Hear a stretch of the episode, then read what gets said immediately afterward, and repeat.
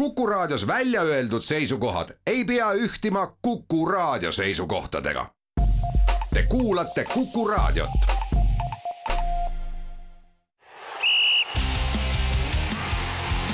vutikohus. vutikohtul aitab pinget kruvida Pahv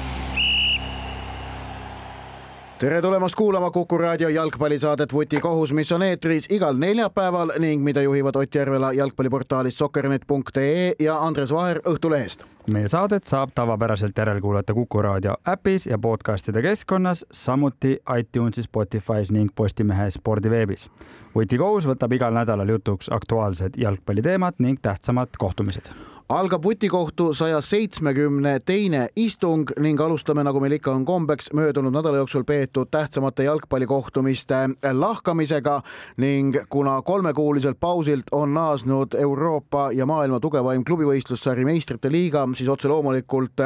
nende nelja kaheksandikfinaali avakohtumisega, mis eile ja üleeile Euroopa erinevates otsustes peeti, me ka oma saadet alustame.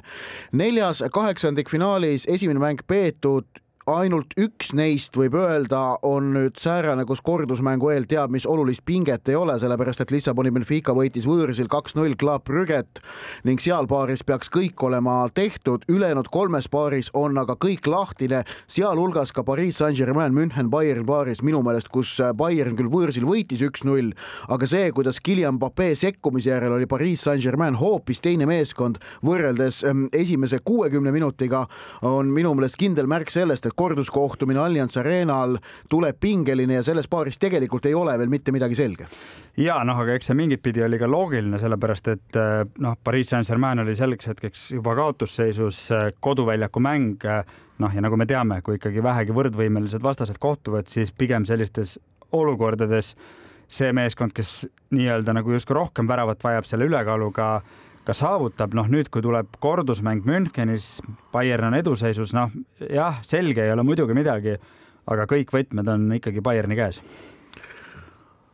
no kõik ja no sellega ei saa vastu öelda, et noh, Bayernil on eelis, aga. ma lihtsalt põhjendan seda mängupilti, miks see mängupilt sellises kujunes, jah, Pape tõi teravust, noh, sentimeetritega jäädi väravast ilma Nä. nägime siis seda, kuidas meistrite liiga kasutab äh, äh, nüüd sedasama mm, poolautomaatset suluseisutehnoloogiat, mida me nägime MM-finaalturniiril ja minu meelest tähelepanuväärne selle Mbappe kaheksakümne viienda minuti värava tühistamise juures, kus siis suluseis ei olnud mitte tema, vaid Nuno Mendes ja umbes noh kümne-viieteist sentimeetriga tegelikult, mitte, mitte rohkem, kui seda äh, korduspilti vaadata ja seda graafilist kujutist, on, oli ikkagi see, et kuivõrd kiiresti see suluseisu otsus tuli. kui me võrdleme seda näiteks Premier League'i äh, suluseisu otsustega, noh, Premier League'i ilmselt vaadatakse kõige rohkem, et seal, kus, kus seda poolautomaatset tehnoloogiat ei ole, kus, kus kohtunik peab käsitsi seda joonte ekraanile paigutamist tegema, siis see võtab palju rohkem aega, aga praegu see Mbappe värava tühistamine paarkümmend sekundit ja otsus oli tehtud. no üks asi, et ta võtab rohkem aega, aega, teine asi, nagu me nägime möödunud, möödunud nädalavahetusest Premier League'i kahest kohtumisest, küll erinevatel põhjustel. Äh,, aga, aga kaks suurt viga äh, suluseisu määramisel kahes mängus. Ja, ja selle järel need hääled Inglismaal, kes nõuavad seda poolautomaatset suluseisuga sinna koos siis argumentatsiooniga, et, et kui me tahame olla maailma kõige paremad, rikkamad ja ilusamad, äh, siis meil peab see olema ja mis on väga mõistlik argument ausalt öelda ja noh, selge on see, et, et oleme ausad, jah, Premier League'is, kui me, me jõuame Premier League'i juttude juurde ka, et, et kui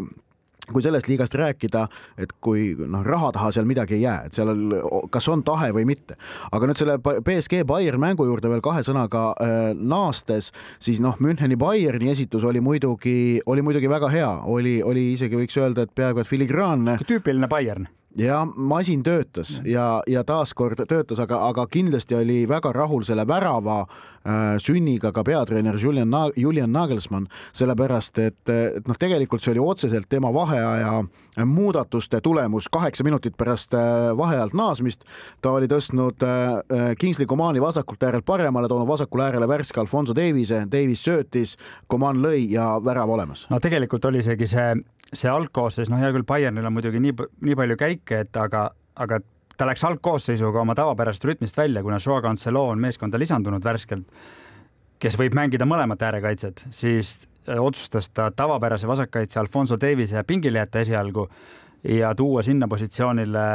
äh, Joao Cancelo ja, ja, ja Comani liigutada paremale, ehk ta tegi. ei nagu,, tegelikult Coman mängis vasakul. jah, jah, just, et ehk ja aga, aga siis poolajal otsustas ta, et lähme tavapärasesse nagu rütmi tagasi, nagu me oleme mänginud ja, ja töötas ja, ja ja mitte ei töötanud ainult värava olukorras, vaid töötas ka muidu tegelikult, nii et ähm, noh,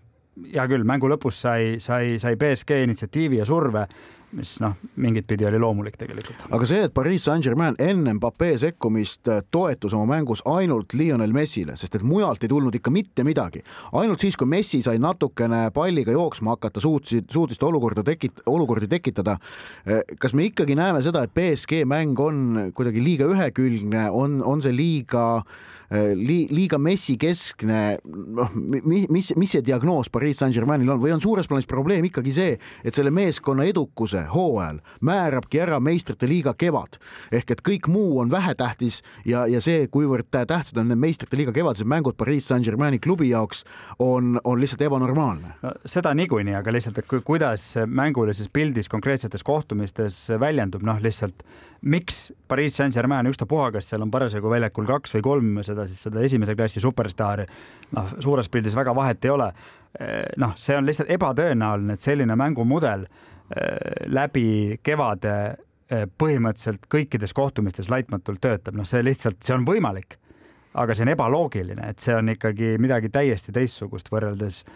võrreldes te kõigi teiste tippklubidega, nii et selles mõttes kõik, kõik aus ja loogiline, et Bayern võitis selle mängu teises teisipäevases kohtumises, mis mängiti San Siro staadionil, saavutas valitsev Itaalia meister AC Milan tähtsa üks-null võidu Tottenham Hotspuri üle. Brahim Diazi seitsmenda minuti väravast nad selle kohtumise võitsid ja AC Milan, kellel on selja taga väga keeruline talv, äh, on nüüd selles paaris, noh, tuleb öelda ikkagi kerge soosik edasipääsule ja üks-null edu neil, neil kordusmänguks äh, olemas on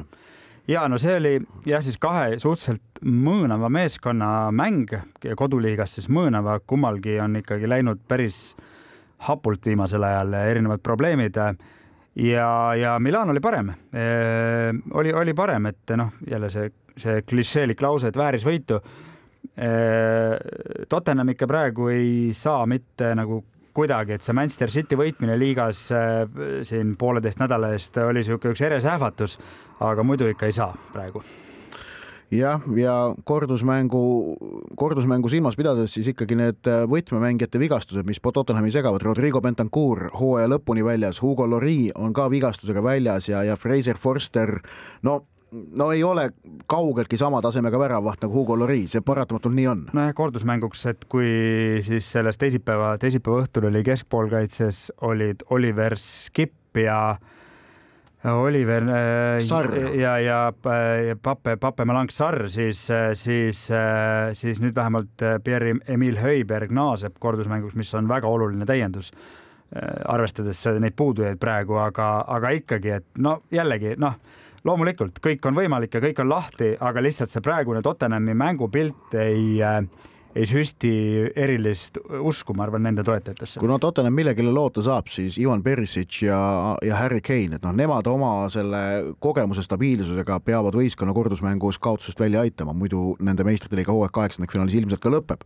nii, aga liigume nüüd kolmapäevaste kohtumiste juurde, nagu öeldud, Benfica võitis võõrsil Club Brügget kaks-null, no seal paaris peaks kõik selge olema. ja no ikkagi play-off'i debütant Club Brügge, suurepärase sügise teinud klubi vahepeal treenerit vahetanud, aga Belgia liigas ka läheb neil nigelalt. Äh, et praegu Scott Parkeri siis juhendamisel ei ole Brügel asjad hästi, seevastu Benfica, hoolimata sellest, et Enzo Fernandez maha müüdi. Äh, noh, see, see, see, see, see masin ikkagi töötab, sealt tuleb seda talenti järjest peale Äh, iseasi muidugi, mis hakkab saama tugevamate vastaste vastu, aga Benfica on selline, selline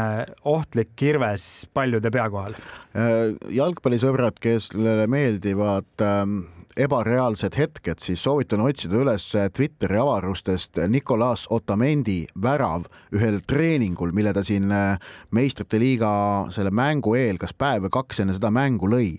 kujutage ette umbes viieteistkümnelt meetrilt hüppe pealt äh, Rabona ehk siis noh, jala tagant kannaga otse õhust ristnurka tsenderdus no umbes säärane, no ma kirjeldasin seda muidugi väga halvasti, sest olukorda tegelikult ei olegi võimalik nagu normaalselt kuidagi kirjeldada ilma videopilti vaatamata, aga ebareaalne asi, millega Nicolas Otamendi hakkama sai, otsige üles, ma arvan, Twitterisse otsingusõna Otamendi goal sisse panna, siis, siis selle pealt tuleb ja see tasub vaatamist. no vanameistrid oskavad, aga ühes teises mängus ehk siis äh, eelõhtuses põnevusmängus ja noh, minu maitsele tegelikult äh, nende senise nelja Äh, nelja kohtumise ehk siis eilsete, üleeilsete kohtumiste parim pala üldse. no ma olen nõus ja, ja see, see kindlasti oli. ja, ja hoogne, võitluslik, kvaliteetne mäng, noh, see, see, et, et see mäng üks-null lõppes ja kui, kui kedagi häirib, et, et nagu seda väravalöömiskvaliteeti või potentsiaali ei realiseeritud, noh, see selleks, et et eh, noh. Eh, no tegelikult ikka Gregor Koobel Borussia väravas tegi väga hea mängu ka. ja noh, teisel pool ka noh. ja ei, ei, ei, ei ja tõsi, ei olnud paha ka Kepo Aritsepalaga. just, et äh, aga et kui jah, sa seda Otamendi näidet tõid, et seal siis vanameister treeningul tegi, siis siin tegid nagu noored mehed väljakul, et värava lõi siis kahekümne ühe aastane Karim Adeyemi uus Saksamaa ründe no isegi talent võib-olla natuke nagu vähe öelda nüüdseks, ründe, noor ründetäht, ütleme nii. Äh, ja noh, kui ikkagi Dortmundi, Dortmundi meeskonna kapten on Julian Bellingham sünniaastaga kaks tuhat kolm või? Igatahes väljakul oli põhikoosseisus kakskümmend kaks mängijat, noh nagu ikka jalgpallis, see on loogiline e,. E, oli väljaku kõige noorem mängija oli Jude Bellingham, üheksateistkümne aastane, väljaku kõige vanem mängija Thiago Silva, kolmekümne kaheksa aastane ehk et temast kaks korda vanem, nad olid võistkondade kaptenid. see seal mängu eel oli päris hea nagu. see oli, see oli, see oli noh, noh nii sümboolne või, või noh e, ja, ja noh, samamoodi ega see ei ole mingi etteheide vastasleerinud, noh Thiago Silva, kogu tema see aura, mis temast õhkub ja see, kuidas ta tegelikult Chelsea't on siin üks väheseid Chelsea mängijaid, kes sel hooajal on ju hakkama saanud ja keda on tassinud, see on ka vägev, aga see, kuidas Jude Bellingham on üheksateistkümne aastasena tõusnud Borussia kapteniks äh,, annab äh, Tigelbe Valdile, sellele kollasele seinale Borussia kodustaadionil juhtnööre, pange nüüd hagu juurde, meil on teie abi vaja. See on võimas vaadata, kuidas üheksateistkümne aastasel jalgpalluril on juba säärane enesekindlus, säärane staatus, aga siis vaatad väljakule, mida ta seal teeb. Ja on kohe täiesti arusaadav, kust see enesekindlus tuleb, sellepärast et kui tema võimed on niivõrd head, nagu ka eilne mäng Chelsea vastu näitas, kuidas Bellingham ikkagi alatasa meeskonda rünnakule vedas oma, oma driblingutega, tema, tema see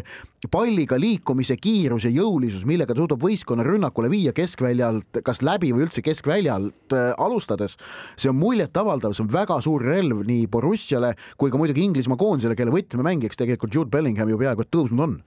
ja, ja, ja see Dortmundi meeskond nüüd, kes siin eelmisel hooajal ikka suhteliselt mõõnas, on, ähm, on praegu saanud ennast käima, Bundesliga-s on ka vägev võiduseeria all. see ja see eilne mäng ja mängupilt Chelsea vastu ja see segu, kuidas praegu see noorus ja kogemus, et siis lisaks nendele mainitud noortele on seal ikkagi ka ka Emre Cani, Niklas Sööle, noh, Sebastian Haller eh, näol sellist, kes eh, Marius Wulf, et eh, selline, Marius Wulf on huvitav mängija. selline väga hea kooslus ja, ja praegu see toimib väga hästi ja, ja Dortmundi mäng on selline, mis vajab sellist, noh, ma ei tea, emotsioon võib-olla ei ole õige sõna, aga neil peavad asjad sujuma ja siis võib sealt tulla päris palju, et ma jälgin väga suure põnevusega ma arvan, et kui Dortmund suudab niimoodi mängida, noh, see, siin on see kui sees, äh, sest nad peavad olema hoos, siis, siis esiteks Bundesliga-s nad, nad viskavad Bayernile kinda ja, ja meistrite liigas äh, noh, siin sõltub paljudest asjadest, loos ja muud värgid. kahe kohtumise põhjal käivad kõik asjad, et Dortmund on, ma ütleks, et Dortmund on, on, on, on tagasi ja ohtlik tippudele. no Dortmundi puhul noh, võib vaadata puhtalt ka statistikat, nad on äh, pärast aastavahetust nüüd, kui võistlusmängudega on jätkatud, seitse mängu, seitse võitu, mitte ainsatki vääratamist, ei isegi mitte viigipojakest pole sisse tulnud, see on kindel kvaliteedimärk ning, ning noh, Chelsea hoiti lõpuks nulli peal, tõsi, raskustega Emre Can pidi väravajoone pealt veel palli klaarima äh, ja, ja noh, kordusmänguelvast põhiline küsimärk on see, et kuidas Borussia füüsiliselt vastu peab, ka eilses mängus oli tegelikult näha, et sealt kuskilt seitsmekümne viienda minuti kandist hakkas Borussial ikkagi juba päris raskeks minema ja, ja noh, selgelt langeti liiga madalale. Hakim Ziyech'i kaudu Chelsea suutis eriti paremalt äärelt tekitada väga palju olukordi teenis Chelsea ohtralt standardolukordi, kõigi nendega Borussia sai küll hakkama, aga oleme ausad, eks neil natukene oli õnne ka, jah, see õnn teeniti välja, aga just, et kuidas nad kordusmängus füüsiliselt vastu peavad, ka see, et nad eilses mängus teenisid kuus kollast kaarti, näitab ka ju seda, et, et nad, nad pidid hakkama ja need kõik tulid teisel poolel kusjuures, et, et nad pidid hakkama määruseid rikkuma, et Chelsea't takistada. ehk et see mängustiil, mida Borussia viljeleb, on füüsiliselt väga nõudlik ja kulutav. Eh, noh, näiteks kui mäng peaks minema lisaajale, siis ma arvan, on Chelsea'le koheselt eelis just nimelt selle vastupidavuse tõttu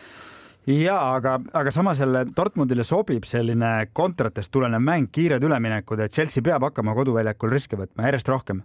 Äh, null-üks ollakse tagasi, taga hetkel kahe mängu kokkuvõttes nii-öelda virtuaalsel poolajal, et, et äh,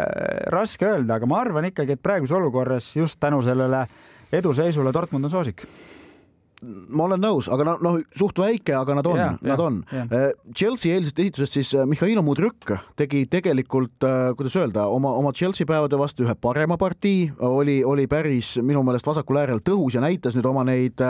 neid relvi, mida ta seal Premier League'iga esimestes mängudes tingimata esi, ei, ei suutnud rakendada. Joao Felix oli väga nähtav, oli sündmuste keskpunktis, aga lihtsalt tal oli halb päev, tal oli kaks väga head ja üks normaalne võimalus ja ta ei suutnud neist ühtegi väravat lüüa, lõi korra latti, korra üle, korra väravahile sülle. ja noh, nad mõlemad on muidugi noh, äh, küll Fe-, Joe Felix on nii-öelda hetkel ajutiselt äh, Chelsea's laenuga, aga, aga just siis ütleme sellistest püsi, püsilepinguga sõlmitud mängijatest, noh, minule isiklikult on ikkagi Enzo Fernandez on väga-väga võimsa mulje jätnud, et äh, positsioon on küll teine, aga aga noh, noh, jalgpallis on alati see küsimus, et kes on, kes on mis hinda väärt, aga nende mängude seal on noh, ja arvestades seda noorust, no seal Chelsea on endale väga võimsa mängija saanud ja, ja noh, ütleme nii, et ilmselgelt see sobitumine võtab veel aega, ehk et ta peaks muutuma veel paremaks ja kasulikumaks meeskonnale, kui, kui me see, praegu näeme. see, kuidas ta palliga mängib, see on ikka, see on juba praegu absoluutne maailmaklass, absoluutne maailmaklass. nii, need olid meistrite liiga jutud, nii et neli võistluspaari on esimese vaatuse pidanud, järgmises neljas paaris mäng uuel nädalal, neist paaridest räägime põgusalt saate lõpus, aga praegu vaatame veel natukene teisi peetud kohtumisi ning läheme muidugi Premier League'i juttudega, sellepärast et tegelikult eile õhtul ilmselt olukord oli säärane, et äh, meistrite liiga jalgpall jäi ikkagi, ma julgen prognoosida ka vaatajanumbrite osas vaeslapse otsa, sellepärast et äh, samal õhtul toimus mäng ka Premier League'is, kõik see äh, säärane asi langes kokku ainult siis põhjusel, et, et sügisel Premier League oli kuninganna Elizabeth teise surma ja matuste tõttu sunnitud kohtumisi edasi lükkama, muidu tegelikult on, on täitsa Euroopas kokku lepitud ja kehtestatud kord, et meistrite liiga õhtuga samal ajal mänge tegelikult pidada pidada ei tohi meistrivõistlustel. aga noh, praegu oli lihtsalt kalender niivõrd umbes, et muud varianti kuhugi seda Arsenal Manchester City mängu panna ei olnud, kui eilsesse õhtusse see mängiti ning meistrivõistluste liider Arsenal kaotas selle kohtumise Manchester Cityle üks-kolm ning äh,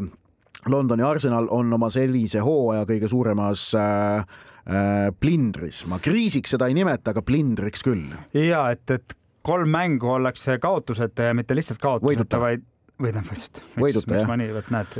harjumuspärased laused tulevad, tulevad üle, lipsavad üle ust. Evertonile null-üks kaotus, Brentfordiga üks-üks viik ja nüüd Manchester Cityl üks-kolm kaotus ning punkte tabelis Cityl Arsenalil võrdselt viiskümmend üks, tõsi, Arsenalil mäng varuks. jah, et noh, see, see, see iluviga, et, et, et praegu nimetatakse Manchester Cityt tabeli liidriks väravate, parema väravate vahe tõttu. Noh, jumal sellega ikkagi loogilises maailmas on see ikkagi liider, kellel on rohkem mänge pidada aga see selleks, et ühesõnaga võrdseid punkte, aga Arsenalil äh, mäng rohkem pidada, küll aga selline selge momentum on nüüdsest äh, City käes, jätame praegu täiesti kõrvale selle, mida teeb siis see uurimine äh, noh, kuigi tahaks millest, ära millest me eelmise nädala saates rääkisime. kuigi just. tahaks ära mainida, et, et kui me ka selles eelmise nädala saates mainisime, et, et kui jabur oleks see, kui mingid aastatetagused tiitlid läheksid ümberjagamisele hiljem, aga ma eile seda mängu vaadates äh, Äh, kui Manchester City läks kolm-üks juhtima, tabasin ennast järsku selliselt mõttelt, et, et praegu on üks viimaste aastate ägedamaid tiitliduelle, ükstapuha, kuidas see lõpeb. Ja noh, me ei tea, kui kiire, mis pöörded see võtab, kui kiiresti, kes, me ei tea, mis saab, aga ükstapuha, kuidas see lõpeb ja noh, aga oletame, et lõpeb nii, et, et Arsenal tuleb meistriks. Või vabandust, Manchester City tuleb meistriks. Ja siis komisjon otsustab mingil hetkel noh, millal iganes, see aasta, järgmine aasta, ülejärgmine aasta, et noh, sorry, aga et ikkagi tegelikult on Arsenal meister, et see on nii jabur tegelikult noh ja aga nüüd see on, see on jabur ja see on ebameeldiv, aga samas mul minu meelest on oluline rõhutada, et see ei ole ebaõiglane, kui säärane otsus tehakse. ma räägin siis... emotsioon, lihtsalt emotsionaalsest vaatest. just, just emotsionaalselt on see jabur jah. meistrivõistluse, tiitlivõitlusest rääkides, siis Manchester United kaotab liidrile viie punktiga jah, just see noh, eh, eh, noh, ei ole välistatud tegelikult, see, see viis punkti, see on nüüd ikkagi päris vähe ja, ja, ja, ja, ja ma tooksin veel ühe, et, et kas ja kui palju üldse neid komisjoni otsuseid mõjutab see, et noh, või sellistes olukordades ju tegelikult tavakaristus on punkti, punkti, punktide äravõtmine. Aga kuidas sa võtad punkte nagu ära, kui praegu meistrivõistlused käivad, sa ju tead, mis tabeliseis on. väga suur vahe on, kas sa võtad ära ühe punkti, kolm punkti või viis punkti või kolmkümmend. no, nojah, no siis on kõik, eks, aga, aga kui otsustatakse võtta ära, noh, et see on nagu kõik see olukord kokku äh, lihtsalt noh äh, jah, sa, sa, sa küll ei mõtle selle peale, aga see mõjutab kõike seda ägedat duelli, mis toimub. Manchester City mängis eile hästi, äh, mängis Arsenali üle, eriti teise poole ja äh, sooritusega. Arsenalil oli õnne kohtunike otsustega seekord, aga, aga City võttis lihtsalt jõu, toore jõuga oma ja, ja noh oli mänguväljal üle ja, ja, ja, ja selline ohjad on praegu nende käes no.. ma julgen arvata, et, et, et okei okay,, mingit mõju see Manchester City sportlikule poolele, see kõik peab paratamatult äh, tegema ja tekitama ning, ning nagu me saime rääkida, et noh, et uute mängijate värbamine võib olla löögi all, sõltub sellest, kuidas see uurimine kulgeb ja mis sealt nagu kosta on, aga aga eks tegelikult ju tippsportlased ja ka jalgpallurid Äh, mõtteviis, et äh, muretseda tasub ainult nende asjade pärast, mida on võimalik mõjutada, on tegelikult väga omane, sellepärast et äh, muidu ollakse säärane närvipundar, et korraliku soorituse tegemine on väga keeruline. ma millegipärast arvan, et, et ka Manchester City seda hooaja lõppu pigem, ma ei usu, et neil keskendumisega teab, mis suuri probleeme ikkagi see tekib. võib, see võib praegusele meeskonnale ikka pisem, pigem mõjuda positiivselt, sest kui vaadata kasvõi seda Peep Guardiola noh, tiraadi ma ütleks, mis tuli siis nüüd siin mõne päeva eest ja noh, teades tema nagu mõju sellele meeskonnale, see kandub kindlasti sinna, mitte et nendel mängijatel endil seda ei oleks, aga see emotsioon, isegi mingit pidi positiivne sportlik viha mida nad tahavad praegu väljakul väljendada, see on, see võib isegi mõjuda hoopis innustavalt ja positiivselt neile, vähemalt eile, eile väljakule küll see niimoodi kandus. Nagu öeldud, Arsenalil ja me, me mainisime ka esmalt e ennist, et äh, nädalavahetusel Premier League'is olid probleemid Varriga ja Arsenal oli siis üks ohvreid, ähm, kelle üks-üks viigimäng Brentfordiga oli säärane, kus Brentfordi viigi tabamuse puhul äh, Varr Lee Mason ei märganud õiges olukorras jooni tõmmata, ehk et ta kontrollis ühes episoodis ära ühe suluseisu, kus seda ei olnud, aga teise jättis kontrollimata, kus tegelikult Brentford oli väikeses suluseisus ja seetõttu Brentfordi viigivärav, mis ei oleks tohtinud lugeda, luges, Arsenal kaotas punkte, Arteta on väga vihane. Inglismaal Howard Webb võttis, ütleme ausalt, kes on kohtunike boss, võttis nüüd ikkagi pretsedenditud meetmed ehk et avalikult on teada antud, et need teatud kohtunikud on nüüd mängudelt mõneks ajaks eemaldatud. ehk et noh, Webb tegutseb jõuliselt ja, ja, ja noh, seal seal on, seal on, ütleme, tööpõld on tal paraku lai, et tal on seal, mida teha. ja et, et noh, Veeb on toonud küll noh, ehk siis Howard Veeb on värske selle uue kohtunike ühenduse juht äh, on toonud selliseid uusi lähenemisi, aga, aga samas kostub ja noh, ma olen ka nõus sellega, selliseid arvamusi, et et, et see kõik on selline väljapoole kuvamine, mis on oluline, aga veel olulisem on see, et kuidas reaalselt kvaliteeti tagada, et olgu see ja, siis tehnoloogia aga, või. aga seda ei saa tõsta mingi kuu-paariga, see, see on pikemaaegsem protsess paratamatult no,. tegelikult ja siis teine mäng oli, oli West Hami ja Brightoni mäng, kus. Crystal Palace Brighton Crystal Palace Python jah yes., kus, kus, kus ka exit ja noh, tegelikult arvestades, et meil on, et meil on varr, meil on mitu inimsilmapaari, kes seda vaatavad, mõlemal puhul exit'i tegelikult andestamatult, niimoodi ei saa eksida. minu meelest oli see, et Brentfordi värava äh, lugemi-, või ütleme, et, et see, see Palace'i, Palace Brighton mängu eksimus oli minu jaoks arusaadavam, sest seal ütleme, see kaitsja, kes tegelikult sulusid ära kaitses, oli teise kaitse taga veidikene peidus. aga see selleks, ma tahtsin veel siia saate osa lõppu mainida, et ka, et ka Manch-, tegelikult ka Manchester Unitedit tasub silmas pidada, sest et nad võtsid jälle mitte et, et tegemata teab mis head mängu Leedsi vastu võõrsil, neli päeva pärast seda, kui nad kodus tegid Leedsiga kaks-kaks viigi, võõrsil said Leedsis kaks-null jagu ja tegelikult ka nad on Man Cityst ainult viie punkti kaugusel, see ja viisteist mängu on minna, see ei ole, see ei ole mitte midagi noh, ütleme võimatut, et, et, et siin, siin nüüd ikkagi mul on tunne, et need protsendid sinna Unitedi kasuks tuleb natukene suuremaks muuta. no ja lihtsalt neil tuleb edestada kahte meeskonda, et mis on natuke keerulisem, aga väga palju on minna, nii et absoluutselt võimalik vutikohus. vutikohtul aitab pinget kruvida Pahv vutikohtu saja seitsmekümne teine istung jätkub ning oma saate keskmises osas räägime olukorrast, mida naljalt maailma tippspordis ja nende kõige tähtsamate organisatsioonide juures ei kohta. noh, maailma spordielu kolm kõige mõjukamat organisatsiooni, ma arvan, on aus öelda, on Rahvusvaheline Olümpiakomitee, Rahvusvaheline Jalgpalliliit ja Euroopa Jalgpalliliit ehk et ROK, FIFA, UEFA, mis see järjekord on, eks see sõltub igaühe vaatepunktist veidikene. aga, aga nendel organisatsioonidel üldiselt on kombeks ju see, et nad noh, kuidas öelda, parajad sellised äh, ilmeksimatu, oma ilmeksimatuses äh, veendunud äh, tegelinskid seal pukis on. ning eriti muidugi jah, Rahvusvahelises Olümpiakomitees ja Fifas, UEFA-s natukene vähem ja nüüd kohe eriti vähe, sellepärast et see raport, mille UEFA täies mahus avaldas nende enda vajakajäämiste kohta kahekümne teise aasta meistrite liiga finaalmängu korraldusel, oli ikkagi märkimisväärne. Äh, enam kui kakssada lehekülge sõltumatut raportit, äh, mis äh, UEFA-le endale, UEFA tegutsemisviisile, tõsi ka Pariisi politseijõududele ja, ja Stade France'i äh, siis omanikele või, või noh, manageerijatele äh, kriitikat äh,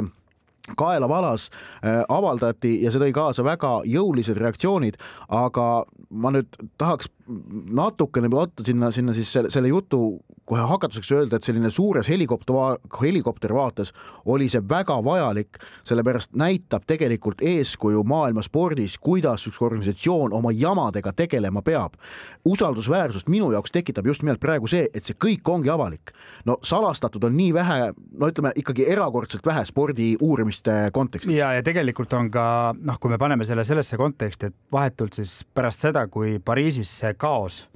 kus siis valdavalt siis Liverpooli poolehoidjad, vastased olid siis, tuletame kuulajale meelde, Liverpool ja Madridi Real, Madridi Real selle finaali võitis ja Pariisi Stade de France'i eh, noh, ütleme ümberkaudsetel aladel siis eh, puhkes ikkagi kaos, kus Prantsusmaa politseijõud olid sunn-, no kas olid sunnitud, ei olnud sunnitud, eks, eh, siis eelkõige Liverpooli fänne väga erineval moel äh, noh. no seal pisar gaasitati, pipar ja, gaasitati. noh, erineval moel nii-öelda väärkoheldi isegi võib, ma arvan, nii öelda. et äh, ja, ja kui selline UEFA esialgne reaktsioon oli ikkagi, oli ikkagi süü-, nende suunas tulevaid süüdistusi üsna tõrjuv, siis nüüd on viga, vigu äh, tunnistatud, see, see, selle, selle raportiga on võetud vastutus ka selles raportis siis selgelt on välja öeldud, et äh, meil lasub peamine vastutus. no tähendab, raportis UEFA ise ei ütle no,, vaid kas..., vaid UEFA-le öeldakse ja, selle raporti aga... koostajate puhul ja UEFA peasekretär Theodoris noh, tegelikult ikkagi vägagi avasõnu noh, ütleme. ta nõustus sellega. jah, ootamatult ava, ava, avatult ikkagi ei hakanud mingeid agasid sinna külge liitma mm. -hmm. jah, seal selle raporti nüansse uurides siis äh, seal, seal teatud äh, Äh, teatud vajakajäämised, no ütleme UEFA poolt oli see, et UEFA viimasel hetkel otsustas, et nad ei soovi oma siis, et nende äh, mitte siis tippametnikke, vaid siis järgmise tasandi ametnikke ütlused soovisid nad anonüümseks muuta ehk et mitte panna nende ametnike nimesid sinna sisse, et see oli üks ainukene peaaegu asi, mida UEFA seal siis salastas. Äh, Pariisi politseijõud äh, raporti koostajatega, kes olid sõltumatud, mis tähendab, neil ei olnud mitte mingit seaduslikku jõudu, nad said äh, loota ainult siis osapoolte heale tahtele. toodi välja, Pariisi politseijõud muidugi koostööd eriti ei tahtnud teha. turvakaamera salvestusi raporti koostajatele ei antudki. ehk et, ehk et seal muidugi noh, vajaka vajakajäämisi oli, aga lõpuks ja, ja, ja raporti lõppjäreldus oli see, et oli, oli suur õnn, et keegi surma ei saanud. Sellepärast... seal oli lausega kirjas, et on, on, oli ime, et on null hukkunut. just, sest et see tunglemine, mis siis Stade France'i jäi eel järgmise, vabandust, eelmise aasta meistrite liiga finaali eel vallandus, et see oli ikkagi korraldamatuse tulemus äh, ning, ning ka vale ohuhinnangu tulemus ehk et seda mängu käsitleti Pariisis kui potentsiaalset ohuallikat, kuigi tegelikult ei olnud põhjust arvata, et Liverpooli ja Reali fännide vahel oleks mingisugune oht või, või ja, ja, ja üks oluline asi, mis ka see raport välja tõi, oli see, et, et, et seal oli, oli korraldajate poolt äh, nagu toodud välja etteheide, et väga paljud piletita fännid reisisid mängule äh,, mängu ajaks äh, Pariisi ja, ja just nimelt see raport toob välja, et see on asi, mida ei tohi ette heita, vaid see on normaalne. Äh, see on Euroopa jalgpalli käitumise täiesti normaalne normaalne asi, et piletita fännid reisivad mängupaika ja et tunnetada seda mängueelset ja järgset atmosfääri, nad ei, jah, nad ei lähe staadionile, kui neil piletit ei ole, aga et linnas on väga palju kohti, kus seda mängu vaadata ja see koosolemise efekt paar päeva enne mängu ja päev pärast mängu, see on see, mille pärast ka reisitakse, et see on see nõnda festivalil osalemine samas tehakse ka selles raportis ühe ettepanekuna siis see, et edaspidi nii suurtel mängudel äh, võimaldada ainult digipileteid, no mis, äh, mis muidugi noh, kunagi ei ei võta ära siis jalgpallifännide reisimist, et noh, mõni otsustabki, et teades küll, et ta sinna staadionile sisse ei saa, aga ta tahabki tulla linna seda melu, äh, olgu siis staadioni lähistele või mujale linna kogema sinnasamasse oma kõikide ihurakkudega, et aga see on, see oli siis üks võimalik ettepanek seal, aga see selleks, see on juba tehniline nüanss, mida ma veel tahaksin välja tuua või rõhutada isegi on see, et eh, noh, eelkõige siis muidugi Liverpooli poole reaktsioonid ka sellele, ka sellele raportile on olnud äh, noh, väga tugevad ja väga head tegelikult ma ütleksin, et. Äh, no, no Liverpool oli oli, oli kohe alguses ju tähendab UEFA kohe sel samal päeval, kui see, kui see finaal juhtus ja kui finaal edasi, kui finaali algust ju lükati edasi lõpuks vist üle poole tunni, siis äh, öeldi, et, et finaal lükati edasi, sest et äh, poolehoidjad saabusid staadionile liiga hilja või hilinesid staadionile, et, et Liverpool võttis ülimalt isiklikult seda, et etteheiteid tehti fännidele, nende fännidele. Ja, ja Liverpooli fännid võtsid seda väga isiklikult ja takkajärjele see kõik on ka tõestust leidnud, et tegelikult Liverpooli fännide süüdistamine oli igatpidi vale ja aga, aga siin on nüüd üks minu jaoks selline, selline kitsaskoht või, või ebakõla, et Liverpool ja, ja Liverpoolis kostuvad hääled ütlevad, et see oli eriti äh, võigas ja lubamatu põhjusel, et meil on Hillsborough pärand mm. -hmm ma ei ole nõus sellega, et Hillsborough katastroofi tõttu peaks Liverpooli Euroopas kohtlema kuidagi teisiti. erikohtlemist ta jah ja.. just. See kahtlemata, see on, see on õudne asi, mis Hillsborough's juhtus, kes Liverpoolis käib, minge Anfieldi peatribüüni juurde seda Hillsborough memoriaali vaatama ja, ja seal on, on võimalik hoomata, kuivõrd oluline see on, ma olen, ma olen seal ka Liverpooli mängupäeval olnud, kuidas seal noh, kümned, et mitte öelda sajad inimesed käivad enne igat Liverpooli mängu selle Hillsborough memoriaali juurest läbi ja ja mälestavad seal oma lähedasi, kes seal tegelikult äh, ju ke, kelle nimed sinna seinale on jäädvustatud. ehk siis üheksakümmend seitse hukkunut oli selles katastroofis, tuletame meelde. just, aga, aga nüüd, nüüd äh, UEFA ei ole Hillsborough eest vastutav see ja, ja UEFA-le ette heita seda, et nad ei pannud Hillsborough't, e, e, et nende, nende teguviis äh, oli eriti võigas Hillsborough tõttu, minu meelest see nüüd ei ole õige. ja Hillsborough ei saa olla ajend, küll aga kui mingi klubi, noh, hea küll, hea, antud juhul on, on tema siis, tema isiklik ajend on näiteks Hillsborough aga kui ta, kui ta võtab endale siis nagu eestkõneleja saatu, staatuse muidugi tingimusel, et ta ei saa kuidagi erikohtlemist, aga üleüldiselt, siis see on, see on nagu ainult tervitatav ja seda on Liverpooli klubi ja ka kapten Jordan Henderson teinud väga jõuliselt, noh näiteks siis klubi poolt avaldused, et, et soovitakse, et UEFA ja noh, eks tegelikult peetakse silmas ka Fifat ehk et kogu jalgpallikogukonda, et ei oleks rohkem selliseid, noh, inglise keeles on hea väljend near misses, noh peaaegu, pea, ma ei tea no,, kuidas no, ta täpselt õnnelik, no, et... õnnelikke eksimusi või, või midagi sellist, eks, et, et ja, ja et see peab olema nagu pöördepunkt äh, kuidas, kuidas fänne kohelda, koheldakse ja tuleb võtta kasutusele meetmed, kus ei ole nagu ükspuha, kui keerulised need on, et, et noh, sellega ma ainult nõustun. ja kahtlemata, et ja, ja nüüd on küsimus see, et, et äh, oluline on ka see, et, et tuleb selgeks teha ka see, et, et selle jalgpalli vaatamise nimel reisimine mööda Euroopat on, on Euroopa kultuuriruumis ikkagi inimõigus. et see ei tohi kohelda jalgpalli pärast võõrasse riiki sõitvat inimest mingisuguse häiriva elemendina, kuniks ta ei ole korda rikkunud, kuniks ta tegelikult ka läheb seda jalgpallimelu nautima, siis see on ka üks vabadus, mida me Euroopas Euroopas elades naudime, see on üks osa Euroopa kultuurist ja, ja see jalgpallifänni stigmatiseerimine, mis äh, tegelikult äh, Euroopas äh, noh, mitmes otsas on probleemiks ja see on muuseas probleemiks jätkuvalt ka Inglismaal endal sees. kuigi, kui, kuigi noh, nad on seal sellega tegelenud, aga, aga see, seda on ka mujal, et see on, see, see, see on väga õige võitlus, mida pidada. Ähm, üks asi veel selle kogu juhtumi kohta, et näiteks no The Guardiani ja, ja üks Inglismaa üks tuntumaid jalgpalliajakirjanikke David Conn Äh, kirjutas selle raporti valguses, et äh, Tšeferin, Aleksandr Tšeferin, UEFA president peaks tagasi astuma selle raporti tulemuste valguses. jällegi järeldus, millega ma nõus ei ole. jah, Tšeferin ja UEFA selles äh, selles noh, selle finaaliga, noh, see oli, see oli suur põrumine, aga Tšeferini tagasiastumine ei, ei lahendaks ju tegelikult äh, praegu suurt midagi minu meelest ja, ja no küsimus, et kust, kust maalt see vastutus läheb. noh, ma ütleme, mul, mul on keeruline näha, mida see muudaks või paremaks teeks. Ehm, eh, noh, Inglismaal on teatud ju see levinud arvamus, et, et tuleks FIFA ja UEFA kõik tuleks nagu mm, ühe puuga puhtaks lüüa. no ja siis.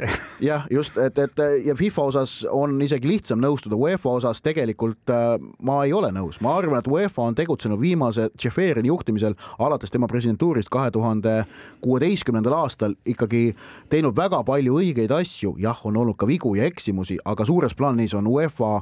Tšeferini käe all võtnud väga hea suuna. hoopis suurem murekoht on, on see, et noh, nüüd me rääkisime, kuidas UEFA on või ei ole reageerinud,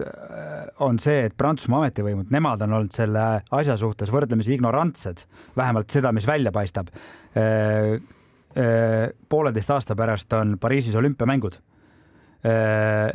loomulikult noh, olümpiamängudel olümpiamängude ja nende fännide käitumine on midagi võrreldamatult muud võrreldes meistrite liiga finaaliga, aga sellegipoolest, et kuidas, kuidas korda tagada ja seda turvata, kui no ma ei saa jätta toomata selle, et aastate eest oli, oli sealsamas Pariisis ka üks terroriakt, mida me kipume unustama ja et, et, et selliste asjadega, selliste asjadega edukalt eos hakkama saada, neid ennetada, see on suur väljakutse. ja, aga noh, selle kahe tuhande viieteistkümnenda aasta Pariisi terroriõhtu järel, pool aastat pärast seda toimusid ju Prantsusmaal Euroopa meistrivõistlused ja, ja ma mäletan, ma olin toona neid kohapeal kajastamas ja politseioperatsioon oli tohutu, tegelikult ka noh, Pariisis olid automaatidega politseinikud pea iga tänavanurga peal.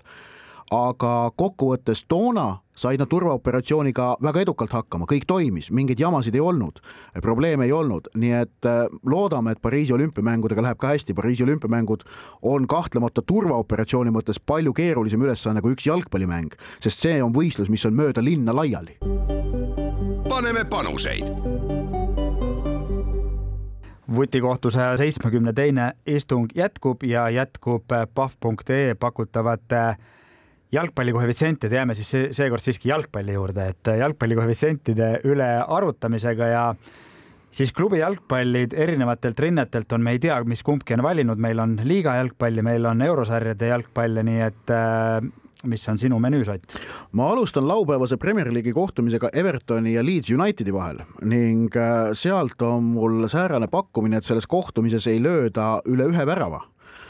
kuna Everton mängib Sean Dyche'i juhtimisel väga sellist kinnist äh, ikkagi noh,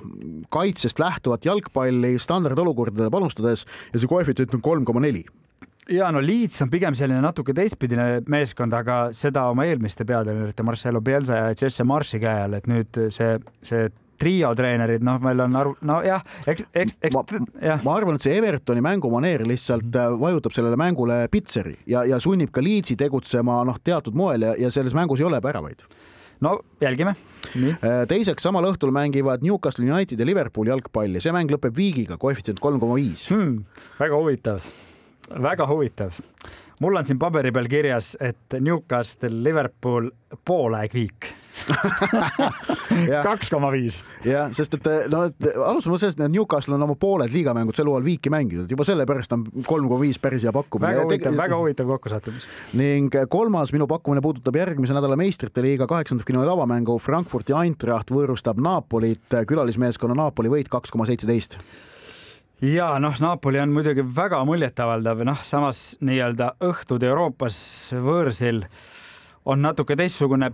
väljakutse ja aga jah, pigem, pigem vist ikkagi nõus, pigem vist nõus. minu ülejäänud kaks pakkumist siis tulevad äh, esmalt siis reede õhtu ja äh, Serie A, seesama Napoli on mul väljakul siis, kes mängib Sassuologa ja no loomulikult Viktor Osimhen, kaks koma viis. no jah, suht kindel vist jah ja siis äh, pühapäevane Premier League'i kohtumine Tottenham, West Ham, Londoni duell ja siin ma siis jään siis samale liinile, nagu siin juba sai enne sisse tallatud, ehk et viik neli koma kakskümmend viis. paneme panuseid vutikohtu saja seitsmekümne teine istung alustab oma lõpusirgega ning nagu meil ikka kombeks, räägime siin põgusalt kohtumistest, mis erinevates Euroopa jalgpalliväljakutel, erinevates otstes jalgpalliväljakutel ees meid ootamas on ning äh, nädala pärast meistrite liiga äh, kaheksandikfinaalid jätkuvad ning äh, neljas ülejäänud võistluspaaris peetakse avakohtumine. ma usun, et on aus öelda, et järgmise nädala kõige oodatum mäng ja kõige suuremat tähelepanu pälviv mäng mäng on ikkagi Liverpooli ja Madridi Reali duell. ja et, et seal siis ma ütleks siis nii, et kohtuvad vigased pruudid no eelmise aasta finaali kordus. ja eelmise aasta finaali kordus, aga tänaseks vigased pruudid, et mõlemal ikkagi liigades asutakse küll väga erinevatel positsioonidel. Liverpool on umbes kümnes või üheksas, vabandust, kui ma nüüd Liverpooli fännidele eh, liiga tegin. Real on eh, Hispaania La Ligas teisel kohal ja, ja meistritiitel on juba väga kaugele läinud. kaheksa punkti jätkuvalt Barcelonaga vahet. ehk et tegelikult noh, nii-öelda kodutandritel on mõlemal käimas ikkagi nende standardite järgi kehv hooaeg. ehk et eurosari on, on väga-väga oluline, et selles mõttes on, mõlemad liipavad küll ühte või kahte jalga, et seal siis kohtuvad siis endised kuulsused, kes, kellel täna ei ole parim päev ja siis kolmapäeva õhtul see keskne paar on siis kahe vastrikka meeskonna kohtumine. Äh, Leipzig ja Manchester City. uusrikka. ja ma selle Liverpooli Reali kohta ma, ma, ma kahtlustan, et ta võib tulla ka natukene selline mäng, kus esimene mäng tegelikult mõlemad noh, on ettevaatlikud, et see, see. samas seal mõlemal on niivõrd vähemalt selle põhjal, mis viimasel ajal on näidatud, niivõrd palju eksimisvõimet et noh, üks küll, värav sinna-tänna ja kohe võib lahti minna, nii et. see, seda küll jah, seda küll. Äh, teisipäeva õhtune teine mäng on siis Frankfurti Eintracht Napoli, no see on nüüd paar, kus, kus, kus noh, Napoli, kes on Itaalias äh, väga võimsat eduseisu omamas, äh, otsib nüüd ka Euroopas võimalust üht-teist korda saata. aga et oleks neil sellist ikkagi eurokogemust, neil on ju tegelikult meeskonna sees ka kindlasti ootused ja nad teavad, et nad on ka selles paaris soosik, kuidas nad sellega hakkama saavad? ja see on kahtlemata väljakutse ja siis tõesti kolmapäeva õhtul Leipzig võõrustab Manchester Cityt no selles paaris ausalt öelda, no suures plaanis ma ikkagi ei näe väga võimalust, et Man City edasi ei lähe, nad, see võimsus peaks olema Leipzigis sedavõrd, sedavõrd äh, palju üle. aga, aga väga huvitav paar on ka Milano Inter versus FC Porto, äh, kus äh, ma usun, mõlemad leiavad, et, et just nemad peaksid selles paaris see soosiku, soosik olema, ehk et, et tegelikult väga võrdne paar tundub olevat ja no Inter on küll noh, kes üldiselt nagu siis nii-öelda kirjade järgi tunduks selle paari soosik, on viimasel ajal oma asju paremini käima saanud, samas Porto nii ja naa, et ma arvan, et Inter on soosik no Portol on ikkagi see noh, tegelikult ka väga pikk kaotuseta seeria all ja teiseks see Euroopa kogemus, mida, mis noh, Porto mängib ju igal aastal Euroopas tähtsaid mänge. noh, eks Inter oskab ka, et siin Barcelona sai siin alles alagrupis välja löödud ja, ja on muudki, et ja... ma ikkagi kaldun pigem Interi kasuks äh, aga no Inter ei ole praegu veenev, nii et selles mõttes kõik, kõik võimalik. ja aga, aga no kui me vaatame Interit siin viimase kümne aasta lõikes, siis, siis noh, neil on Euroopas äh, rohkem selliseid äh, altminekuid kui Portul, kes ikkagi Euroopas pigem enamasti õnnestub, nii et, et, et see võib tekitada teistsuguse fooni sellele mängule. Need on siis meistrite liiga mängud järgmisel nädalal. no juba täna meie saate eetris oleku ajal mängitakse Euroopa liiga kuueteistkümnendikfinaalide avamänge, järgmisel nädalal neljapäeval kordusmängud, muuhulgas superpaar FC Barcelona, Manchester United, konverentsiliigas samamoodi ollakse väljakul. aga vaatame ka nädalavahetusele otsa, mis toimub ähm, kõrgliigades ja noh, Premier League'ist torkab silma just see ikkagi laupäeva õhtune Newcastle United Liverpool kohtumine, see, see, see tundub haarav olevat. nojah, kuigi ta on kindlasti põnev, aga, aga noh, tiitlivõitluses kumbki ei ole, Newcastle on meistrite liiga Eh, heitluses siis, eh, mis puudutab siis tiitlivõitlust Inglismaal, siis eh, Arsenal. Londoni Arsenal läheb laupäeva